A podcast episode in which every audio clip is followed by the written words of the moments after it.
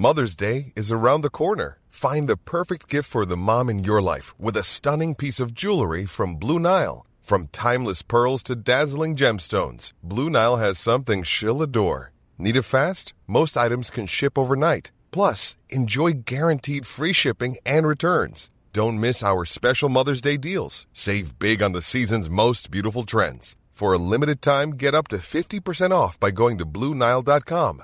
That's BlueNile.com. One size fits all seemed like a good idea for clothes. Nice dress. Uh, it's a it's a t-shirt. Until you tried it on.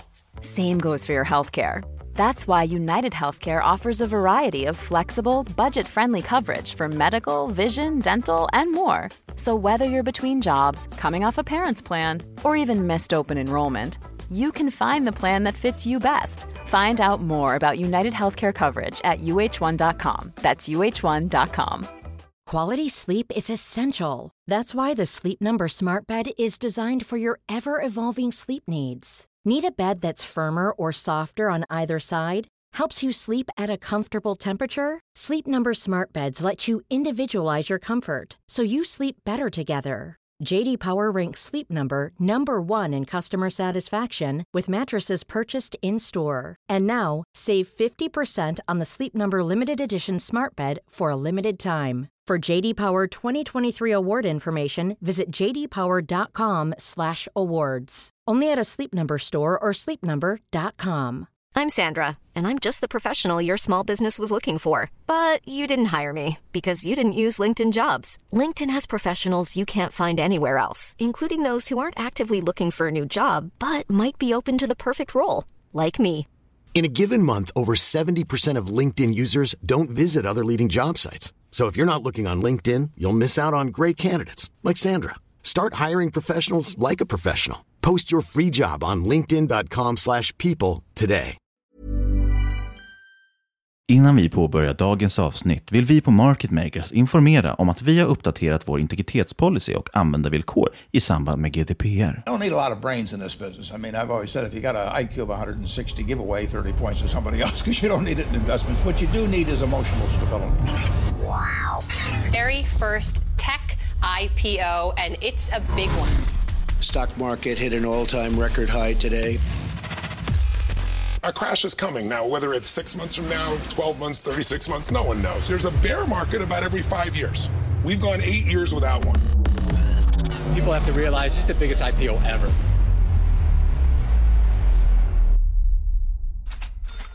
Hej och välkommen till ett nytt avsnitt av Market Makers. Hur är läget med dig Fabian? Det är fantastiskt varmt som fan, men annars Det bra. är faktiskt otroligt varmt, men det är ju härligt. Det är lite, då slipper man sitta inne och titta på börsskärmarna hela dagen. Ja, och vi spelar inte in vår vanliga studio, utan vi spelar hem i min lilla etta. Ja, precis. Och det är fruktansvärt varmt faktiskt. Och vi har behövt stänga av fläkt och allting här. Eh, vi borde varit hos mig där vi har en AC faktiskt. Det hade varit mycket bättre. Börsen i alla fall, den är ju ner ungefär 3% sen senaste veckan. Det är en kraftig rörelse. Det är ju tyvärr, och det är lite konstigt, i och för sig, kronan återhämtas lite. Sen gick den tillbaka igen. Det har ju varit lite krig här mellan Stefan Ingves på Riksbanken och Riksgälden som tog position i kronan. När de sa så här, nu får det vara nog, nu ska vi köpa kronan. Men om du inte har loggat in under veckan, då har du inte gått back 3%. Det är lugnt. Nej, så, länge du inte säljer så är det inte någon förlust. Bra, bra poäng.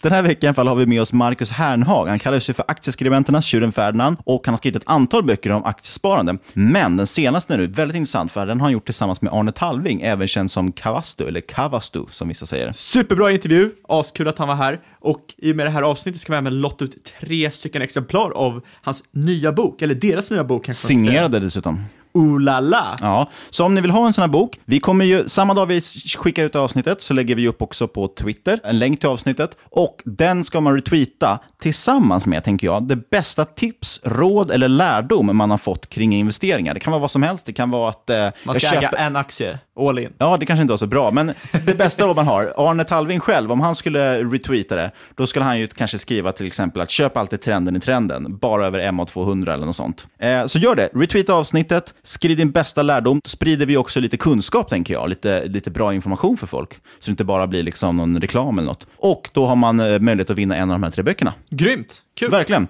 Sen, du har en liten disclaimer, du ville ta upp någonting. Ja, eller Tack Niklas, kasta mig under.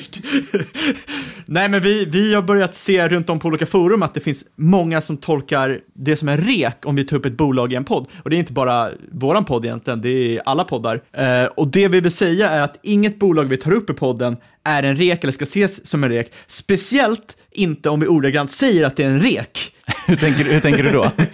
Eh, det kan vara lite tongue in cheek. Det, alltså det vill säga att eh, vi egentligen eh, kan prata om bolag som vi tycker är intressant, även om aktier nödvändigtvis inte behöver vara intressant i sig. Nej, precis. Det måste man alltid skilja. Man måste alltid skilja bra bolag från bra aktier. Och sen, liksom, om vi skulle låta till exempel positiva till ett bolag, så, så behöver inte det betyda någonting, för vi är två rätt entusiastiska dudes. Och jag menar, vi skulle låta positiva även om vi snackar om typ Enron. Och vi vet ju vad som händer med Enron. Ja, och samtidigt sagt, så man ska alltid se det som någon form av uppslag. Det är det vi vi erbjuder. Vi vill visa upp spännande bolag som kanske missat eller som man kanske kan få lite mer matnyttig info om så att man själv ska bli inspirerad att eh, läsa vidare och analysera det själv. Så är det. Och ett sätt då att eh, lära sig analysera bolag kanske är att läsa Marcus Hernogs nya bok. Så glöm inte att retweeta avsnittet. Denna vecka är vi väldigt glada över att vara sponsrade av Kivok, bolaget som jobbar med mobil hälsa. Och vi har med oss deras vd, Anders Björlin. Välkommen till podden. Skulle du vilja berätta vad Kivok sysslar med för någonting? Tack så mycket. Kivok jobbar ju med mobil EKG-överföring och det håller vi nu på att utveckla till en eh, folkhälsoprodukt. Det är så här att väldigt många människor idag har hälsobrister just på grund av att de har för lite fysisk träning eller de sover för dåligt på nätterna eller de eh, oroar sig för saker och ting väldigt mycket och inte minst oroar de sig för sin hälsa. Och eh, idag så finns det en stor brist på mätutrustning som kan verifiera hur man egentligen mår. Man behöver mäta EKG eller hälsa på barn, man behöver mäta det på folk som arbetar och man behöver mäta det på pensionärer och man behöver förstå när man är frisk och när man inte är fullt frisk så man kan vidta åtgärder. Just EKG är ju väldigt intressant därför att det kan visa på väldigt många fel och brister i kroppen på olika sätt och därför så har vi satsat på långtids-EKG för att det är kanske en av de enklaste funktionerna att kontinuerligt mäta över lång tid i kroppen. Och med lång tid menar jag, menar jag här då minst ett dygn, kanske flera dygn i sträck. Och vi har då tagit fram en eh, tröja med mjuka sensorer i för att göra det väldigt enkelt att komma igång med mätningen. Då drar man bara på sig tröjan och sen pluggar man in sensorn och så är det hela igång. Så, och det är en, en väldigt viktig bit i det här sammanhanget att det är enkelt och att det är lättillgängligt. Och sen har vi då en automatanalys i andra ändan som direkt talar om huruvida det här matchar din individuella EKG-profil eller om det är några avvikelser som bör åtgärdas på något sätt. Och det är vi nu på väg ut med på marknaden. Vi håller på med tekniska tester för de här två bitarna i sammanhanget och eh, vi kommer inom kort att påbörja valideringsprocessen som man ju måste göra innan man kan börja leverera sånt här till marknaden. Och marknaden är stor. Marknaden är gigantisk. Idag så gör man ungefär 40 000 långtids-EKG i Sverige, i huvudsak inom sjukvården. Vi skulle behöva göra minst 400 000. I världen så är det förmodligen 10 procent av hela befolkningen som har behovet av att göra ett långtids-EKG för att verifiera sin hälsa. Så det finns en väldigt bra marknadspotential i detta. Och ni har ju en planerad listning längre fram, men just nu genomför ni ju en nyemission. Var läser man mer om den och var går man in och tecknar som man är intresserad? Ja, det bästa är att ta ner eh, emissionsmaterialet från eh, kivok.se där det finns både ett eh, memorandum och en beskrivning och en blankett som man kan använda för att registrera sitt intresse och skicka in den till oss. Eh, annars kan man bara helt enkelt skicka ett mejl till mig, anders.bjorlin kivok.com så ska jag förse er med information. Då säger vi stort tack till dig Anders. Tack själva. Som vi vet sedan tidigare ska Apple börja tillverka självkörande bilar. Men nu har de ju skrivit avtal med Volkswagen. Men de har redan åkt på en försening. Jag ser det. Tanken är att Apple ska omvandla Volkswagens nya de här T6 Transporter-bilarna. Ja, de ja, yes. Precis, det är en kombibil.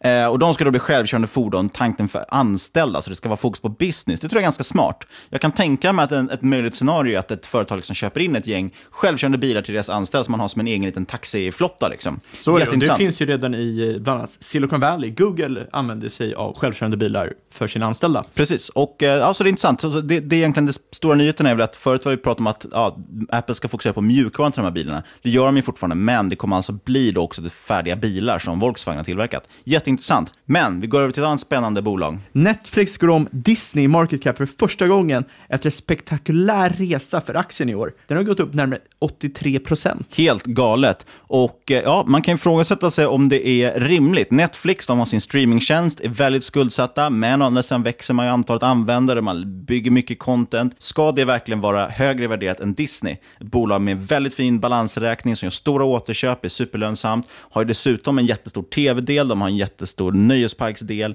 och en liten, liten filmdel och massa andra grejer. Alltså, det är ju ett helt annat typ av bolag. Jag tycker det är lite galet, men frågan är ju det. Det är ju lätt att säga så här, jag tycker det är konstigt, men marknaden har ju visat att jag haft fel tydligen. Ja, eller så kan det vara irrational exuberance, som den gamla Fed-chefen Alan Greenspan skulle sagt.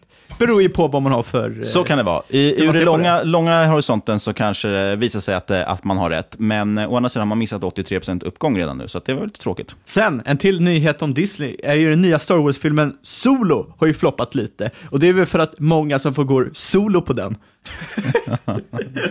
Ja, eh, jo, precis. Det är ju filmen om bakgrundshistorien om Han Solo. Superintressant, men man, det blir väl lite risk här att man pu- pumpar ut de här filmerna och eh, jag vet inte, även som Disney-entusiast och Star Wars-entusiast så har man knappt märkt av att den här filmen har släppts. Så jag plötsligt bara, oj, nu är den till den här. Så att eh, jag förstår att de det känns inte som att de har hunnit bygga upp någon hype riktigt där. Ja, jag hörde för- faktiskt att de hade krismöte på Disney om den här filmen. För att vara en film om Han Solo så har jag ingen koll vem det är som spelar Han Solo eller hört någon hype om Han Solo. Jag vet inte, lite intressant. Men det öppnade i USA till eh, en öppning på 80 miljoner dollar. Och det kan ju låta mycket, men ska jämföras med förra årets superflopp bland blockbusterfilmerna Justice League, så öppnade 10 miljoner dollar högre. Eller kanske som Rogue One som öppnade nästan 50% högre. Ja, vilket som Disney, de äger ju här ESPN, eller ESPN som jag kallar det för när vi pratade om Disney en veckan, eller för några veckor sedan. Eh, De har faktiskt förvärvat rättigheterna till LOL, League of Legends. Det är alltså ett e-sport, eller det är inte ett Ja, e-sport, eller ett spel. streamingrättigheterna rättare sagt. Exakt, så de ska streama ligor och grejer, kommer bli väldigt intressant. Och det är faktiskt det mest streamade spelet i världen, läste jag häromdagen. Väldigt intressant. Och fortsätter vi på temat e-sport så har vi även Svenska fotbollsförbundet som har lanserat en inofficiellt landslag i e-sport. Ja, och de ska givetvis tävla i Fifa, så det här fotbollsspelet från Electronic Arts finns noterat i USA. Och man blir ju nu faktiskt ett av de första fotbollsförbunden i världen att satsa på e-sport. Det känns lite framåt. Det är coolt. Så har vi E-kronan och eh, Fifa e-sportslag. Ja, och vad nu, Fräckt. vad nu e-kronan kommer vara värd. Sen, Alibabas finansiell Ant Financial som vi pratade mycket om tidigare har precis genomfört en ny investeringsrunda. Eh, Det ska ju troligtvis bli den sista innan de ska noteras. Ja, och då tog man in 10 miljarder dollar. Och det ger ett bolagsvärde på 150 miljarder dollar. Det betyder att man med råge springer om Uber som det högst värderade onoterade bolaget i världen. Uber, de är värderade till ungefär hälften, så att det var 60 miljarder dollar ungefär. Och eh, ja, folk är uppenbarligen väldigt förtjusta i Ant Financial. Och Ant Financial drar in jäkligt mycket pengar. Ja, Galet. Och de har tagit över 50% av Kinas betalningsmarknad, vilket vi pratade om här för någon vecka sedan. Och nu satsar man också väldigt hårt just på expansion utomlands. Väldigt intressant just. Bland Bangladesh, Pakistan, det är lite länder som ligger i närheten, men man kommer komma till väst också, för att när de här kinesiska turisterna kommer till väst så kommer de vilja betala med sina egna betalningsmedel. Och eh, apropå Uber och betallösningar, så den holländska Adyen ska noteras. Och bolaget, de processerar ju bland annat betalningar åt just Uber, men även Netflix och en hel del andra spännande bolag. Det här är faktiskt en jättespännande notering. Jag tror att vi kommer få anledning att återkomma till den. Det är nog ett bolag vi ska kika närmare på faktiskt. För att de, de har en ökande kundstock, dessutom kraftigt ökande vinst och marginaler. Och det är lite intressant. Om man jämför till exempel med iSettle nu, som skulle noteras men varit utköpt av Paypal, och eh, flera andra sådana här betalbolag, så går ju de ganska knackigt. Vissa av dem tjänar inte så mycket pengar. Men eh, Ant Financial då bland annat, men också det här just Adyen går ju faktiskt riktigt, riktigt bra. Eh, så ja, det är något vi kommer få kika på framöver. De dessutom gör ju en IPO utan att ta in pengar. Jämför vi återigen med iSettle, de skulle ju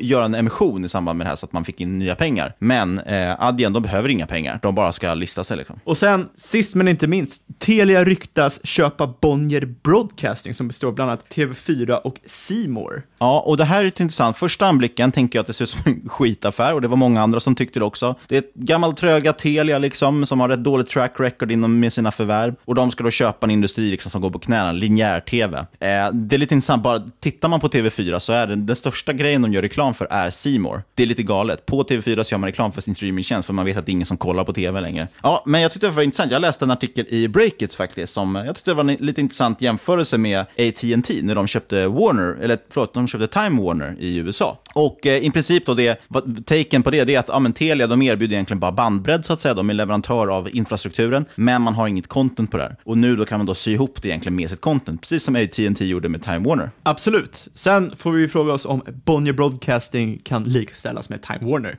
Time will tell. det, är Time will lite, tell. det är väl lite att ta i kanske.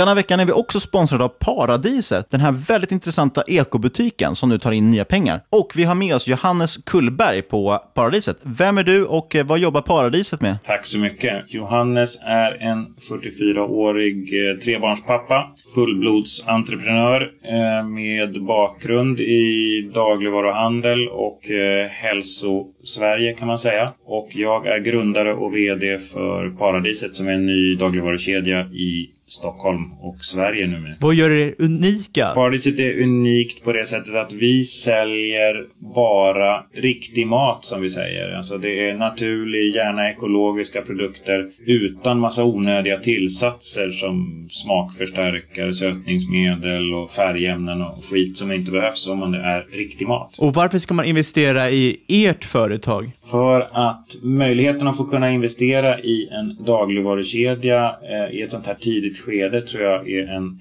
väldigt bra investering. Eh, både ekonomiskt men också eh, så är det en investering för eh, dig själv. Eh, när man investerar i den här emissionen så får man också en rabatt på 20% om man handlar i våra butiker under 12 månader. Eller 10% om man handlar på eh, näthandeln. Och eh, det är en eh, investering i din egen hälsa, dina barns hälsa eller vår planets hälsa brukar jag säga också. Jag tror att det är viktigt att välja hållbara företag som tänker eh, lite mer än bara på den egna plånboken. Var ska man vända sig då, då om man är intresserad av att investera? Då går man in på paradiset.com och sen klickar man på nyemission. Och där fyller man enkelt i, man klickar på teckna aktier med BankID när man har läst prospekt och, och all information som finns. Så kan man bara fylla i sina personuppgifter, välja hur många aktier man vill teckna och så kan man betala med bankgiro eller kreditkort, väldigt enkelt. Och den lägsta posten som man kan teckna är 10 aktier och det är 1190 kronor. Och sen kan man välja hur mycket man vill investera. Och vi kan också nämna pre-money-värdering är 350 miljoner kronor. Teckningstiden pågår till 22 juni. Och Johannes, sista vi vill fråga. Vad är planen för Paradiset framöver? Planen är att Eh, fortsätta växa med fokus på lönsamhet här nu. Eh, inom 12 till 18 månader så ska vi ha eh, ett flertal lönsamma butiker och att växa näthandeln så att vi kan leverera inte bara i Stockholm utan eh, med, med färskvaror utan även till större städer och nå över 5 miljoner svenskar med, med hela sortimentet. Idag kan vi redan leverera torrvaror i hela Sverige men färskvaror i Storstockholm. Så vi ska växa, vi ska växa lönsamt och vi ska visa att vi är en aktör att räkna med. Stort tack Johannes. Tack. Då säger vi välkommen till podden, Marcus Hernag. Tack, roligt att vara här. För de som inte känner till dig tidigare, vem är du och vad sysslar du med? Jag är aktieskribent och har eh, vikt mitt yrkesliv åt det och jag har jobbat åt privata affärer i första hand sedan millennieskiftet. Jag är ursprungligen från Dalarna men sen 2000 bor jag i, i Stockholmsområdet. Så att jag, nej men jag kallar mig för uh, lite för tjuren Ferdinand för jag går min egen väg och sitter under min lilla korkhet bildligt talat och utvecklar mina strategier på börsen. På tal om strategier, hur ser din investeringsstrategi ut? Eh, För just mig passar det bra med utdelningsaktier.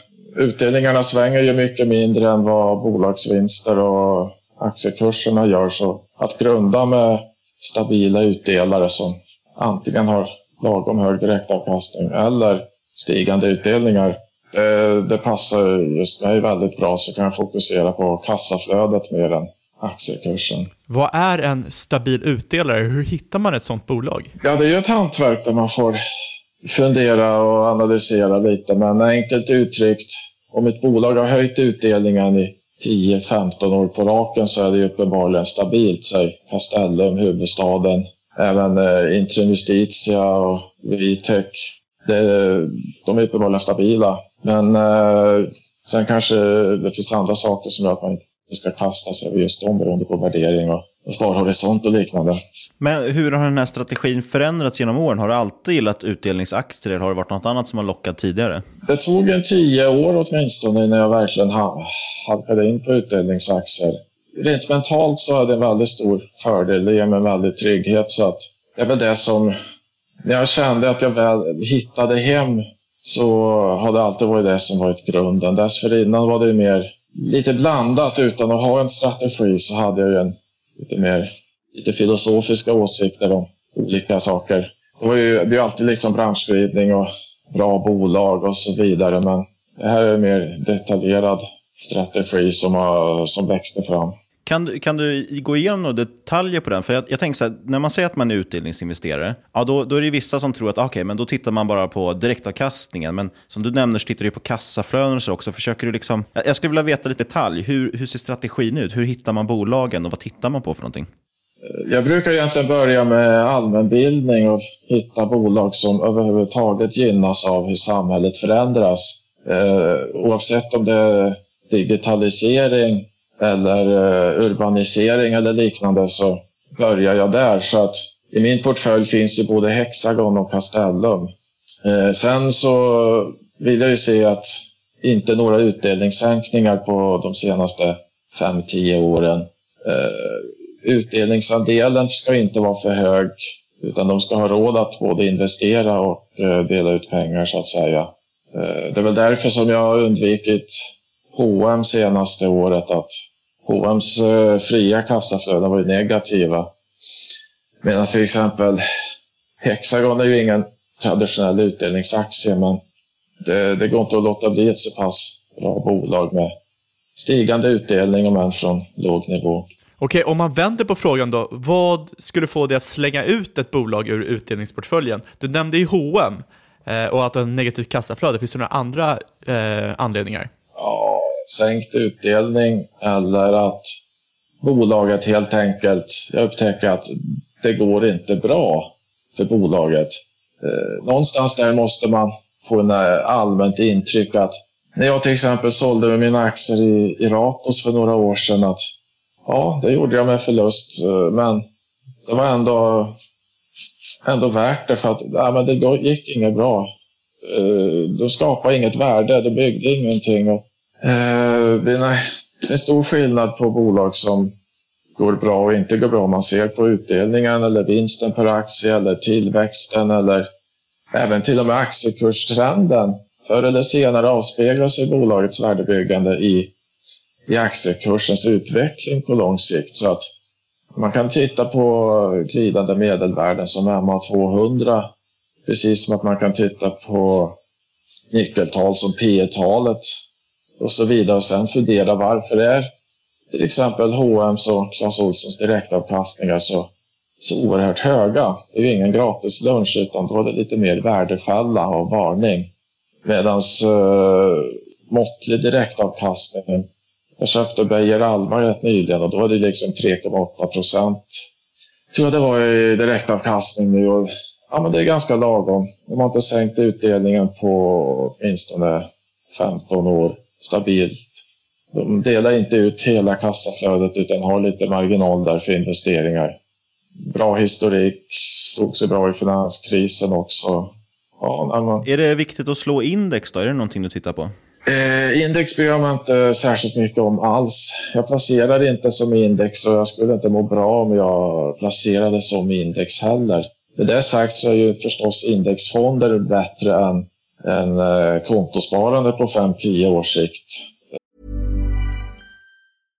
How would you like to look five years younger? In a clinical study, people that had volume added with Juvederm Voluma XC in the cheeks perceived themselves as looking five years younger at six months after treatment. Look younger, feel like you. Add volume for lift and contour in the cheeks with Juvederm Voluma XC. Reverse signs of aging by adding volume to smooth laugh lines with Juvederm Volure XC. For important safety information and to find a licensed specialist, visit juvederm.com. That's J U V E D E R M.com. Not for people with severe allergic reactions, allergies to lidocaine, or the proteins used in Juvederm. Common side effects include injection site redness, swelling, pain, tenderness, firmness, lumps, bumps, bruising, discoloration, or itching. There's a risk of unintentional injection into a blood vessel, which can cause vision abnormalities, blindness, stroke, temporary scabs, or scarring. Talk to a licensed specialist to find out if it's right for you. There's never been a faster or easier way to start your weight loss journey than with PlushCare. PlushCare accepts most insurance plans and gives you online access to board-certified physicians who can prescribe FDA-approved weight loss medications like Wigovi and Zepbound for those who qualify. Take charge of your health and speak with a board-certified physician about a weight loss plan that's right for you. Get started today at plushcare.com slash weight loss. That's plushcare.com slash weight loss. plushcare.com slash weight loss. Everyone knows therapy is great for solving problems, but getting therapy has its own problems too, like finding the right therapist, fitting into their schedule, and of course, the cost. Well, BetterHelp can solve those problems. It's totally online and built around your schedule. It's surprisingly affordable too. Connect with a credentialed therapist by phone, video, or online chat, all from the comfort of your home. Visit betterhelp.com to learn more and save 10% on your first month. That's BetterHelp H E L P. Life is full of awesome what ifs, and some not so much, like unexpected medical costs. That's why United Healthcare provides Health Protector Guard fixed indemnity insurance plans to supplement your primary plan and help manage out of pocket costs. Learn more at uh1.com. Burrow's furniture is built for the way you live. From ensuring easy assembly and disassembly to honoring highly requested new colors for their award-winning seating, they always have their customers in mind. Their modular seating is made out of durable materials to last and grow with you. And with Burrow, you always get fast, free shipping. Get up to 60% off during Burrow's Memorial Day sale at burrow.com slash ACAST. That's burrow.com slash ACAST. burrow.com slash ACAST. Jag tror säkert, men det är inte index som lockar mig alls. Du nämnde värdefällor, men vad är egentligen värde enligt dig och eh, till exempel vad är en värdeinvestering? Eh, alltså, jag vill ju gärna vidga perspektivet lite för att värde kan även tillväxtbolag kan vara värdeaktier om de bara skapar tillräckligt mycket värde i samhället för kunderna och för aktieägarna. Då kan en till synes hög värdering, ja, det var många som tyckte att Amazon var dyra redan på 800 dollar men det skapar så fruktansvärt mycket värden i deras expansion att nu står aktien långt över 1000 dollar. Alltså klassiska tillväxtaktier kan ju vara värdebolag om det bara går tillräckligt bra. De bara fyller värderingskostymen. Men oftast så visst, en klassisk värdeinvesterare vill ju få mycket värde när man köper en aktie. Och då blir det ju lite lägre värdering i utgångsläget. Men eh, det får inte vara för låg värdering för då blir det något misstänksamt så att säga. Vad, vad är de vanligaste misstagen du tycker folk begår på börsen? Eh, att köpa problembolag eller bolag som fallit väldigt mycket i kurs. Man pratar lite om fallande knivar och sådär. Jag tror att många lockas väldigt om ett bolag går ner mycket.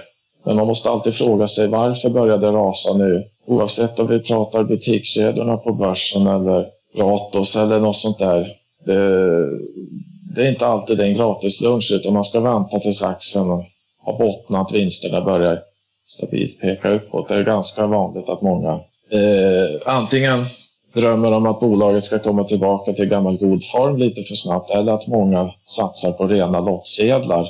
De flesta köpte ju Fingerprint efter att kursen hade toppat. För då började den se billig ut när den gått ned fast ja, sen kommer ju försäljningsraset och utifrån hur bolaget presterar nu är ju Fingerprint-aktien plötsligt dyr trots all kursnedgång. Men eh, Fingerprint har väldigt stort antal aktieägare trots det. Och det är ju ett uppenbart misstag. Man brukar ju säga att man ska akta sig för den fallande kniven, men samtidigt brukar många säga att man ska buy the dip. Så är det någon skillnad i de här två uttrycken? Eller är det egentligen bara samma sak med olika namn? Alltså skillnaden är att by the dip, då kanske du har... Ett väldigt viktigt råd är att zooma ut. Titta på vinst per aktie och kursgraf de senaste 5-10 åren. Om du ser att det, det stiger, både kursen och vinsten och utdelningen och sen har det gått ner ett fåtal procent, 5-10 procent, ja, men då är det bara en liten dipp. Och då kan du titta sen på bolagsspecifika faktorer. Är det bara en tillfällig liten kurssvacka utan anledning eller är det bara en tillfällig liten avmattning för bolaget? Ja, men då ska du köpa. Till exempel Fingerprint är en bransch där vi alla vet att det är jättesnabb utveckling och då blir det hög risk. Och då är det ett svårare case än om du till exempel tar ett stabilt fastighetsbolag som har dippat lite grann. Det är inte så att Heba Fastigheters hyresrätter plötsligt kommer att stå tomma eller någonting utan om den aktien dippar lite för att det tillfälligt blir högre räntor eller någonting så en långsiktig placerare så är det snarast intressant att börja titta närmare på aktien då. Men jag tänker då, om man, om man satsar till exempel på utdelningsinvesteringar, eh, det, kanske, det låter ju då som att det man är ute efter är att det är lite mer stabilt, lite mer tryggt kanske. Vad, tycker du, vad är rimligt, vad kan man förvänta sig liksom för avkastning på över tid? Eh, det beror mycket på vad du väljer för typ av utdelningsaktier. Lite mer offensiva utdelningsaktier så är det ju direktavkastning låg, men du kan få väldigt mycket kursuppgång. Så man ska mer se det som någon form av grund eller botten att stå på, eller? Ja, alltså jag brukar säga att det är ganska lätt att, att bli rik rent kunskapsmässigt, men det subjektiva är däremot ganska svårt. Uh, utdelningsaktier i första hand för att man ska få återkommande kassaflöden för att då håller man huvudet kallt och undviker att få panik och sälja när börsen står lågt och så vidare. Därifrån så visst, utdelningsaktier i genomsnitt ger det väl en 10% om året i totalavkastning men viktar du tungt mot preferensaktier så ligger så ska du väl räkna med att direktavkastningen är hela din årliga avkastning och då blir det ju snarare 5-6 procent. Med väldigt lite offensivare utdelningsaktier, ja, Hexagon och Beijer Alma som vi nämnt, så kan du ju få 10, 15. Om du sen tajmar lite grann med kurserna och undviker att hänga med i de riktigt långa nedgångar som ibland kommer på börsen så kan du överprestera mycket mer. Men det låter då också som att det är ganska mycket en buy and hold-strategi. Är det tanken när man köper ett bolag för dig att man ska ligga kvar i det, ja, så länge de presterar i alla fall. Så, men det skulle tekniskt sett kunna vara liksom livslångt. Ja, i grunden så är ju Bayern hållt det bästa tidseffektivt. Och man, för då frigör man ju tid åt annat utanför börsen eller fler placeringar. Men förr eller senare så inga bolag presterar evigheter. Så att om man gifter sig med en aktie så måste man ju vara redo att ta skilsmässa när så krävs. Och du nämnde preferensaktier också. Är det någonting du kikar på? Eh, jag gillar preferensaktier. De ger mer än räntefonder. Och eh, det är lite högre risk också naturligtvis, men absolut. Eh, preffar och liknande. Jag har ju själv just nu 11,6 procent i preferensaktier och en räntekonvertibel CEF som är noterad i USA. Så att jag, jag gillar verkligen de där stabila kassaflödena därifrån. Nu när börsen är relativt högt värderad, eh, har du några intressanta case för idag? Ja, det beror mycket på vad man eh, för placerare, vad man är ute efter, eh, vad det är, sparhorisont och så vidare. Vilken aktie man ska köpa. Det är, liksom, det är en ganska öppen fråga. Men, eh, vad är tre största innehaven i portföljen till exempel? Alltså, eh, ett bolag jag brukar säga är ju tråkigt nog Investor för att substansrabatten är hög, de har bra historik, det är bra riskspridning. Eh, deras förvaltning är mycket billigare även än flera indexfonder så att det är en ganska bra start för en portfölj. Men ett av de största innehaven just nu i min portfölj är Klövers referensaktie med 4,3 procent av portföljen. Jag brukar köra nästan likviktat eh, för att likviktade portföljer är, eh, historiskt sett brukar de gå ganska bra. Så jag har en, mellan 1 och 4 procent i varje innehav. Så att det, är inte så stor skillnad. Men jag tänker på ränterisken då, till exempel i preferensaktier. När det väl faller kan det ju falla ganska snabbt och du står ju samtidigt utanför egentligen bolagets uppvärdering så att säga. Du tar, inte, du tar ganska mycket bolagsrisk och ränterisk men har inte möjlighet att åka med på resan upp om bolaget går bra. Det är där som man måste kompensera sig för genom att eh, bara satsa på de tryggaste preferensaktierna. Eh, jag skulle aldrig våga köpa en pref som ger 10% i direktavkastning. Däremot 5-6 procent, Akelius, Preff, Klövern och de liknande. Ja, men då, jag är rimligen säker på att det blir ganska låg inflation och ganska låga räntor även framöver. Har, har räntorna inte kommit upp mer än så här mitt i en högkonjunktur så kan man ju tänka sig nästa lågkonjunktur. Men visst, långsiktigt så får du mycket mer avkastning med stamaktier. Så är det ju. Du har ju även skrivit en bok. Så skulle du ha lust att presentera din bok och lite vad den går ut på? Min senaste bok är Bli rik och fri med aktier som jag har skrivit med eh, Arne Talving, känd som Kavastu. Eh, den boken handlar inte bara om aktier utan också om hur man ska leva för att få överskott varje månad. Och det är ganska stor skillnad på hur förmögna människor lever och hur fattiga människor lever och i princip man väljer en livsstil, sen blir man sannolikt rik eller sannolikt fattig. Det, det är så enkelt är det. Ja, ni har ju med flera bra exempel på just skillnaden hur rika och fattiga tänker. Då. Skulle du kunna dra några exempel? För jag tycker de, de var väldigt bra. Ja, alltså det mest klassiska exemplet är ju att eh, enligt författaren Thomas Corleys omfattande studier, fattiga de köper ju lotter varje vecka. 77 procent av dem gör det medan den förmögna gruppen är det bara 6 procent som köper lotter. Däremot är det tvärtom när det gäller sig facklitteratur. Att förmögna läser mycket facklitteratur och tittar lite på tv. Omvänt i fattiga gruppen. Den förmögnare gruppen tränar lite mera, äter lite hälsosammare och omvänt i den fattigare gruppen. Det kan man också se på reportage på tv hur överviktsproblemen i USA är störst bland fattiga. Vilket är ganska intressant. Någonstans där när man lever man hälsosamt sunt, vill sin kropps bästa, sin hjärnas bästa. Man lär sig mer och mer. Förr eller senare tjänar man mer och mer pengar. Men det, det viktigaste är ju att man investerar först och konsumerar sen. Det är väl det mindsetet som avgör i kombination med livsstilen. Alltså, den, den stora frågan man kan ställa sig då, är det en korrelation eller en kausalitet? Är det en effekt av, en, av att man är rik som man lever på det här sättet, eller är det tvärtom att man lever på det här sättet som man är rik? Har ni tagit någon hänsyn till det när ni skrivit boken? Eftersom 80-85% har skapat sin förmögenhet själva, byggt den själv, så det är min övertygelse att det är en uh, kausalitet. Jag, jag hävdar ju att man kan skapa sin egen tur. Om man lär sig mer och mer saker, förr eller senare har man ju då lite tur så att man kan tjäna lite mer pengar på sina kunskaper. Däremot, om du lever som en fattig och köper mycket lotter, ja, då måste du ha en väldig tur för att tjäna en massa pengar och det lär du inte ha. Så att det blir lättare att skapa en positiv spiral, en sorts vinnarmomentum om du har ett visst mindset och lever på ett visst vis. Beror inte det också väldigt på vilket samhälle man bor i? I Sverige är det väldigt enkelt, för att alla har ju tillgång till att gå på universitet och kan ta lån för detta. Men det finns ju vissa samhällen då det kostar ohyggliga summor med pengar. Och att det är en väldigt stor spridning mellan vad olika universitet liksom ger för typer av jobb och liv.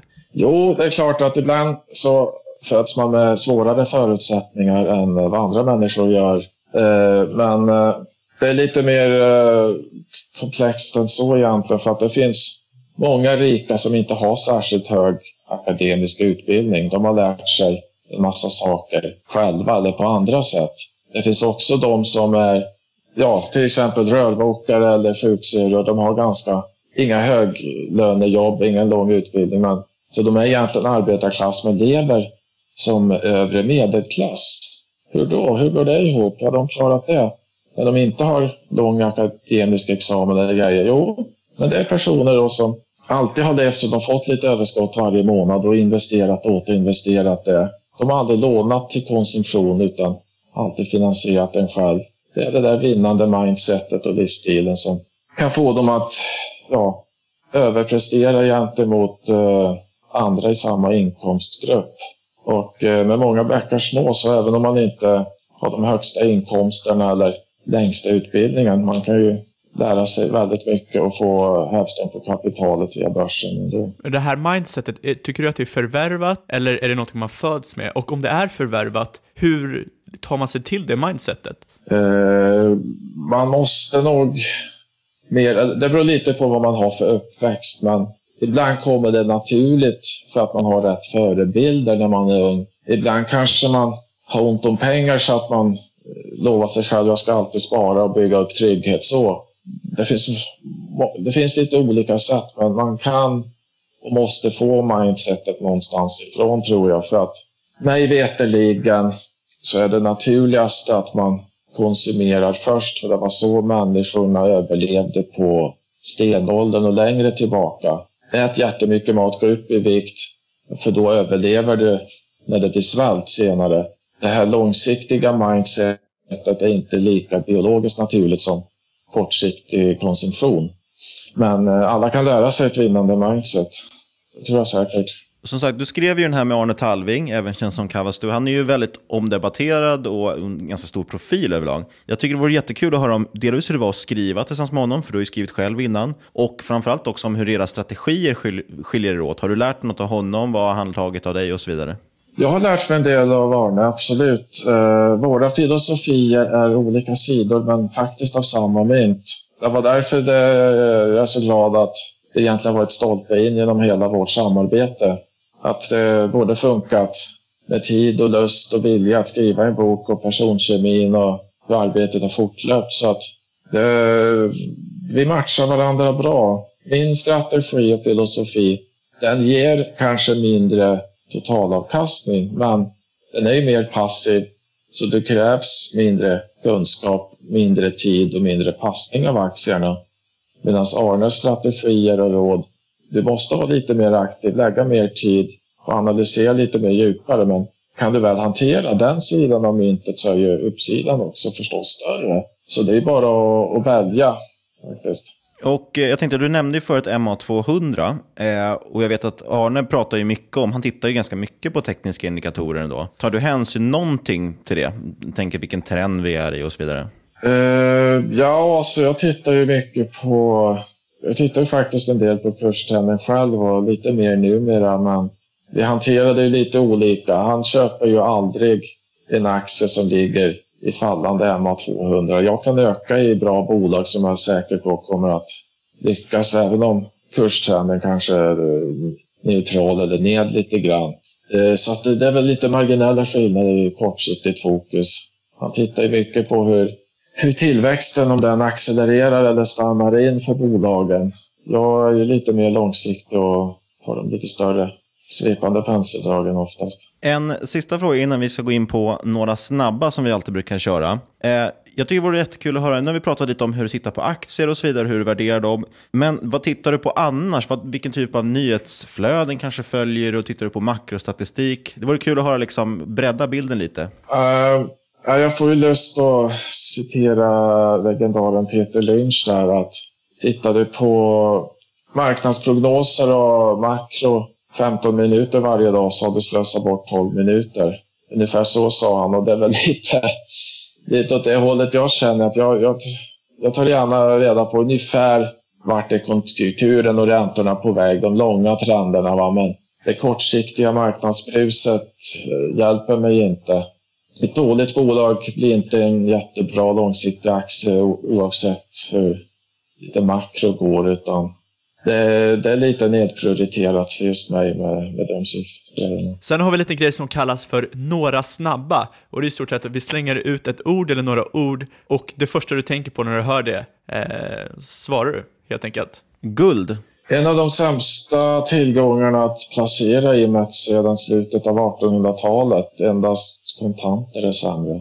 Bitcoin. Väldigt intressant, men eh, det är för många som gör nya digitala tillgångar så jag kan inte värdera det. Men väldigt intressant att följa från läktaren. Fina bolag inom citationstecken. Tyvärr omöjligt att definiera. Det är en ganska subjektiv konst.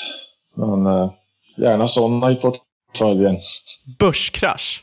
Då mår jag dåligt, men eh, jag vet att alla krascher tidigare har vänt till en uppgång och högkonjunktur tidigare i världshistorien så att då eh, köper jag. Mohammed Ali eller Salvador Dalí? Jag tror att jag säger Mohammed Ali. Och sen har vi en återkommande fråga för våra gäster och det är vilken har varit din bästa respektive sämsta investering och vad har du lärt dig ut av dem? Ja du, det är en svår fråga att ranka och jämföra så. En, jag tror min bästa investering var när jag gick emot marknaden och köpte NetEnt-aktier.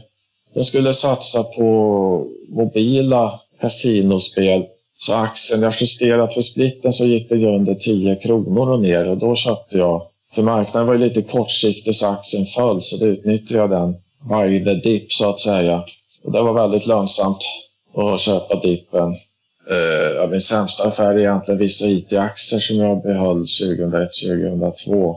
Sådär. Uh, men på senare tid kanske ja, Fred Olsen Energy, den norska riduthyraren var en klassisk värdefälla som jag gick i. Det var ju P tal på 7, sen 5, till slut 3. Men jag insåg att bolaget går inte bra. Branschen håller på att krascha, för oljepriset kraschade för 3-4 år sedan. Då, så att jag satte en tight stop loss på 99 kronor när den kostade 100 kronor. Ordern gick ju igenom en måndag morgon där direkt sen jag satt den. Och jag låg och sov men aktien såldes. så sen fortsatte Fred Olsen Energy ner till 15 kronor som lägst. Så att jag lärde mig ju att ibland måste man ja, ta skilsmässa från sin aktie liksom och avgöra att jag ska bara ha bolag som verkligen utvecklas bra över tid. Så även om jag förlorar en slant på dem så det lärde mig en del och stärkte mig en del i, i den tron. finns ju ett klassiskt citat från, det är väl Buffett som säger att man ska lära sig sina misstag för man har betalat för dem. Ja, det är sant. Avslutningsvis, var kan man följa dig någonstans och eh, ja, var köper man boken också, Bli rik och fri med aktier? Den finns på Adlibris och Bokus och eh, vill man ha den signerad så kan man beställa från eh, Sterners förlag. Jag finns ju på hernhold.se och i ja, vanliga sociala nätverk. Då säger vi stort tack. Kul att du gästade podden. Ja, Tack så mycket. tack själv. Roligt att vara med. Grym intervju, eller vad tycker du Niklas? Verkligen. Superkul att ha med Marcus i podden. Väldigt intressant att höra. Varken du eller jag är så mycket utbildningsinvesterare kan man väl påstå, så jag tyckte det var kul att också höra lite det perspektivet. Lite annorlunda från vad vi brukar prata om och tänka på. Absolut, det är ju rätt värdelöst egentligen att bara sitta och prata med folk som tycker exakt samma sak. Exakt, det var det blir det, det blir en ekokammare och det är väl någonting vi har snackat rätt mycket om och det är alltid kul med andra perspektiv. Verkligen. Oavsett vilka perspektiv man får, så ska i alla fall man mm, komma ihåg att inget man hört i den här podcasten ska ses som rådgivning. Alla åsikter är våra egna eller vår gäst och eventuella sponsorer tar inget ansvar för det som sägs i podden. Tänk på att alla investeringar är förknippade med risk och sker under eget ansvar. Yes, och vill man läsa mer om risk, vill man läsa mer om investeringar, glöm inte att retweeta det här avsnittet nu på torsdag. Skriv in ditt bästa investeringsråd eller tips eller vad det än är, är bästa lärdom du har tagit med dig och retweeta avsnittet så kan du vinna en signerad eh, exemplar av eh, boken. Och var inte rädd för att kontakta oss på podcast.ipo.se. Lite rädd kan man vara. Och vi finns även på Twitter, at marketmakerspod, det är där man hittar den här uh, tweet tweeten man ska retweeta. Och Lämna för guds skull, lämna jättegärna en recension på iTunes. Verkligen, det betyder supermycket. Gå in, skriv något jättekort, skicka fem stjärnor så blir vi glada. Eller en stjärna om du tycker det är kast. Då. Sen vill vi också rikta stort tack till våra sponsorer. Glöm inte att kolla in kiwok.se går man in för, för att kolla på Kiwok, det här uh, mobilhälsobolaget. Uh, K-I-W-O-K stavas det. Och stort tack till paradiset.com. Eh, gå in på paradiset.com så finns det en länk till nyemissionen längst upp. Exakt, och sist men absolut inte minst, stort tack till dig som har haft oss i lurarna den här senaste 40 minuterna. Vi hörs igen nästa vecka. Det gör vi. Tack!